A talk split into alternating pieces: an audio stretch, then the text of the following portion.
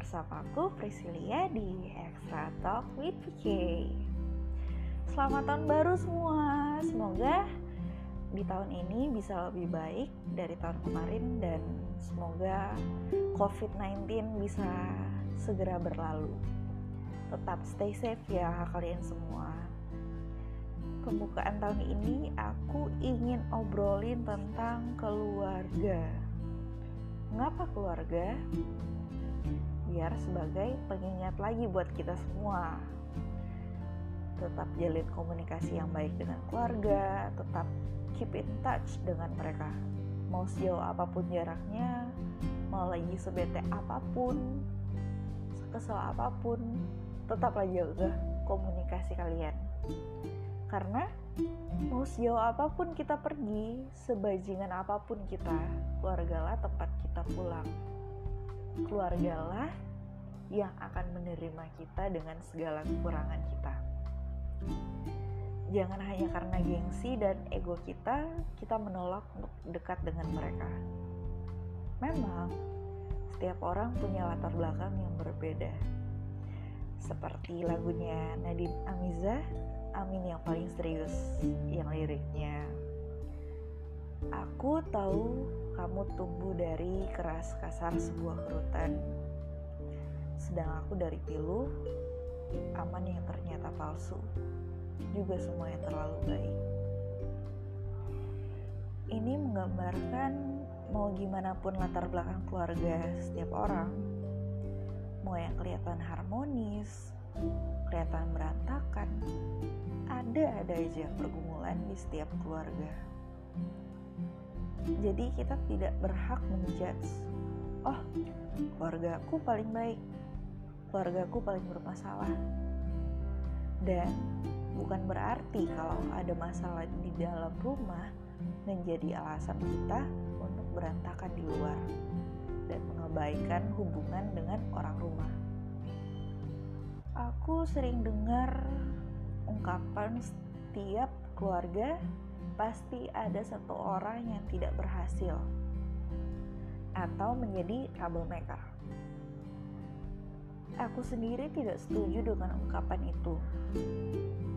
Ya, tapi tidak bisa dipukiri banyak keluarga seperti itu. Ada-ada aja. Menjadi pertanyaan bagiku, kenapa ada satu yang bermasalah? Setelah aku pikir-pikir, ada dua kemungkinan. Bisa jadi pertama disebabkan oleh komunikasi. Keinginan atau pikiran seseorang yang tidak tersampaikan atau disampaikan tapi disalahartikan sehingga menjadi masalah. Kedua, cara berpikir setiap orang mempunyai deskripsi masing-masing, punya pemahaman sendiri beda visi misi sehingga jadi masalah. Makanya penting adanya komunikasi yang baik antar keluarga. Dengan menanyakan bagaimana harimu, apa saja yang sudah kau lakukan hari ini. Luangkan waktu beberapa menit untuk bercengkrama. Hal yang simpel, tapi dampaknya sangat besar. Memberikan rasa aman, dan membangun rasa percaya antara satu sama lain. Lakukan itu setiap hari. Kalau terlalu sibuk, ya setidaknya seminggu sekali. Jangan sampai kesibukanmu dan gengsimu itu memberikan penyesalan buatmu. Keluargaku sendiri juga gak sempurna. Ada-ada aja yang menjadi pergumulan Kadang suka iri melihat keluarga orang lain saat mereka senda gurau dan terlihat begitu harmonis. Begitu pula pandangan beberapa orang yang melihat keluargaku harmonis, tapi mereka tidak tahu apa yang sebenarnya terjadi di dalam. Dan dari situ aku belajar apa mungkin yang aku lihat baik belum tentu dibalik itu semua baik-baik aja. Yang kulihat harmonis belum tentu semua sebaik itu. Karena pada dasarnya orang akan menilai dari apa yang mereka lihat. Ya, aku dan koko-kokoku sudah 14 tahun menjadi anak yatim. Begitu banyak perubahan yang terjadi. Tidak mudah, tapi kami berhasil melalui bersama. Memang sebagai keluarga kita masih banyak kurangnya. Tapi dari kurang itulah aku bisa merasakan betapa bahagianya saat kami bisa kumpul dan bersenda gurau. Jarang sekali terjadi, tapi sekali kejadian bahagianya banget banget.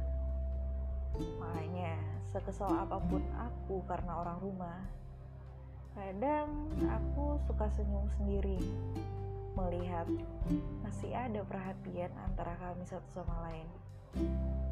Walaupun lagi keadaan berantem sekalipun masih ada kepedulian di situ meski ditutup dengan gengsi.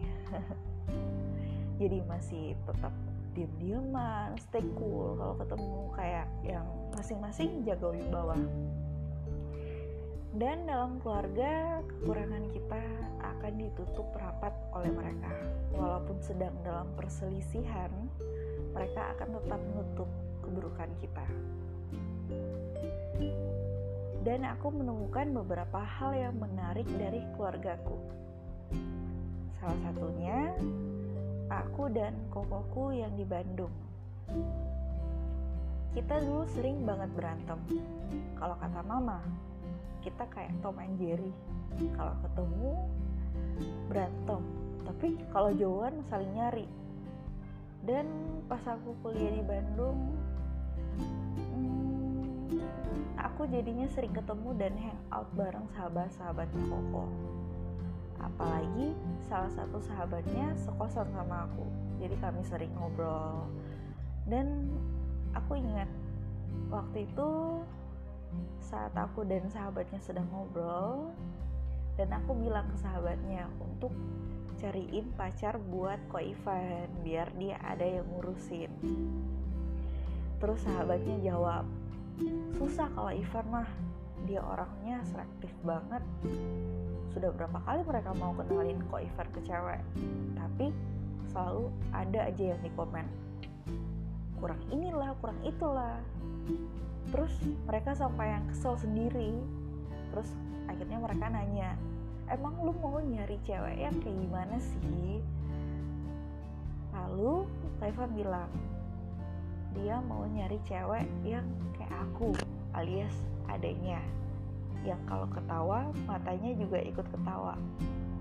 Hmm, di situ pas aku dengar hatiku meleleh. Pengen nangis karena saking terharu. Ternyata kokoku yang sering berantem sama aku dia ada di sisi seperti itu. Um, dan ada lagi soal kokoku yang kedua yaitu Ko Andre mungkin antara semua kokoku dia yang paling jarang ngobrol sama aku dan sama lainnya. Dia pendiam sedikit tertutup soal kehidupannya. Tapi di balik dinginnya dia dia sangat perhatian kepada keluarga yang jarang diperlihatkan langsung oleh dia. Aku dan dia jarang banget ngobrol apalagi yang di Manado telepon aja hanya sesekali. Itu pun karena mama mau ngobrol sama aku jadi telepon dan ngobrol nanya kabar lewat ko Andre. Dan waktu itu pas aku lagi di kosan tiba-tiba ko Andre nelpon. Dia nanya kabar terus dia bilang semalam habis mimpi kalau aku kecelakaan terus meninggal bangun-bangun dia nangis. Makanya dia telepon aku dan nanyain kabar dan suruh aku jaga diri. Jangan keluar kalau nggak ada perlu-perlu amat. Dan kita waktu itu ngobrol sampai 2 jam. Lebih malah. Itu pertama kali aku dan dia ngobrol selama itu. Dan aku sehappy itu seharian cuma seharian tapi berhari-hari. Ternyata ini rasanya kalau yang biasanya kita antara anggota keluarga yang jarang ngobrol jarang ada waktu buat satu sama lain sekali bisa ngobrol lama ngobrol banyak hal itu senengnya ya ya seneng itu. Kayak orang lagi jatuh cinta deg-degan. Dan dari pengalamanku keluargaku dan cerita-cerita temen soal keluarga mereka aku belajar. Kadang kita terlalu nyaman dengan lingkungan luar rumah kita nyaman dengan teman-teman kita sampai kita lebih terbuka dengan orang luar dibanding keluarga kita sendiri. Tapi saat kita kenapa-kenapa di luar saat kita sedih, kecewa, ada masalah hal terakhir yang terpintas di kepala adalah rumah. Dan di sanalah tempat yang akan kita tuju untuk beristirahat. Entah untuk istirahatkan raga atau pikiran kita. Dan keluargalah yang akan selalu membuka pintu terima kita dengan segala situasi kita. Sebenarnya tidak ada salahnya kita terbuka dengan keluarga kita masalah kita, kesulitan kita. Iya, memang kita kadang takut membuat mereka khawatir, sedih, atau marah, sehingga kita cenderung lebih terbuka dengan teman dibanding keluarga. Tapi cara berpikir itu salah karena untuk itulah fungsi keluarga cobalah untuk sekali-kali kita ceritakan satu atau dua hal tentang pikiran kita kesulitan kita entah kepada orang tua atau salah satu saudara kita. Hmm, kita akan mendapatkan pandangan baru dan rasanya nyaman banget. Nyaman bisa berbagi cerita dengan mereka. Ada perasaan lega? Masa iya pasti mikir gitu. Ya karena aku sudah mencobanya. Dan kalian juga harus mencobanya.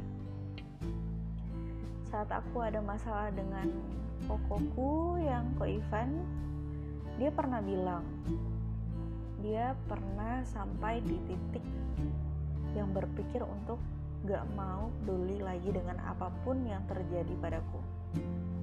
Tapi dia bilang kepadaku, mau berusaha bagaimanapun untuk tidak peduli, namanya keluarga, tetap ada kalanya dikhawatir bagaimana keadaanku, dan itu gak bisa dipungkiri. Walaupun lagi kesel, dia tetap ngechat nanyain kabar sekali-kali.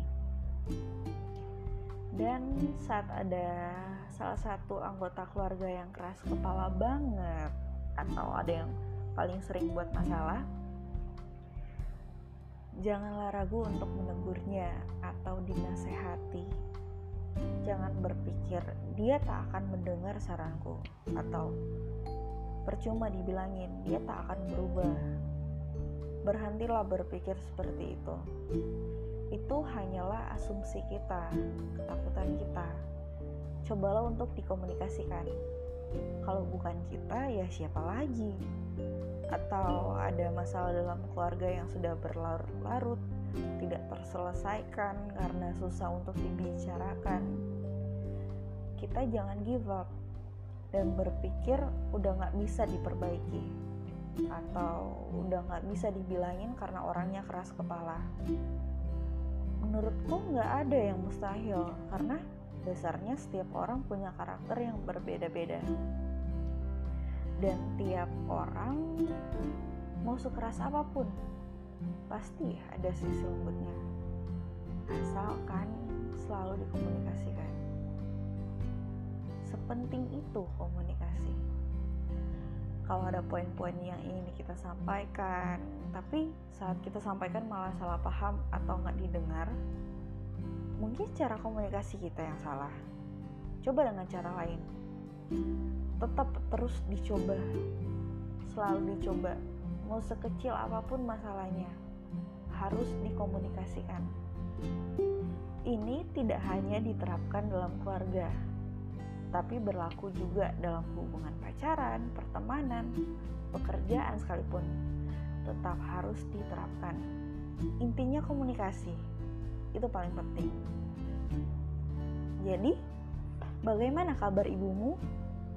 Ayahmu? Saudara-saudaramu? Bagaimana hari mereka? Kalau nggak tahu, tanyalah. Sempatkanlah waktu untuk itu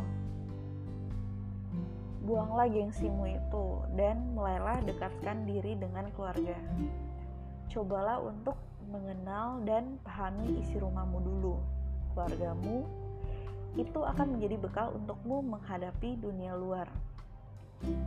Saat kamu sudah bisa memperlakukan keluargamu dengan baik, berarti kamu sudah bisa dan siap untuk memperlakukan orang lain dengan baik juga. Berarti kamu sudah siap dengan dunia luar. So, ayo kita siapin waktu buat ngobrol bentar dengan keluarga. Kalau bisa, buat reminder di kalender HP kalian. Setiap minggu siapin setidaknya satu jam untuk ngumpul bareng keluarga. Ngobrol basa-basi aja, sepele tapi penting. Jangan nunda. Kalau nggak sekarang, ya kapan lagi? itu dulu obrolan kita kali ini. Semoga bermanfaat dan kalian bisa share ke aku mungkin kalau ada cerita-cerita seru soal keluarga kalian. Bisa lewat email atau DM di Instagramku. Kalian bisa cek di profile. Oke, sekian dan terima kasih. Have a nice day.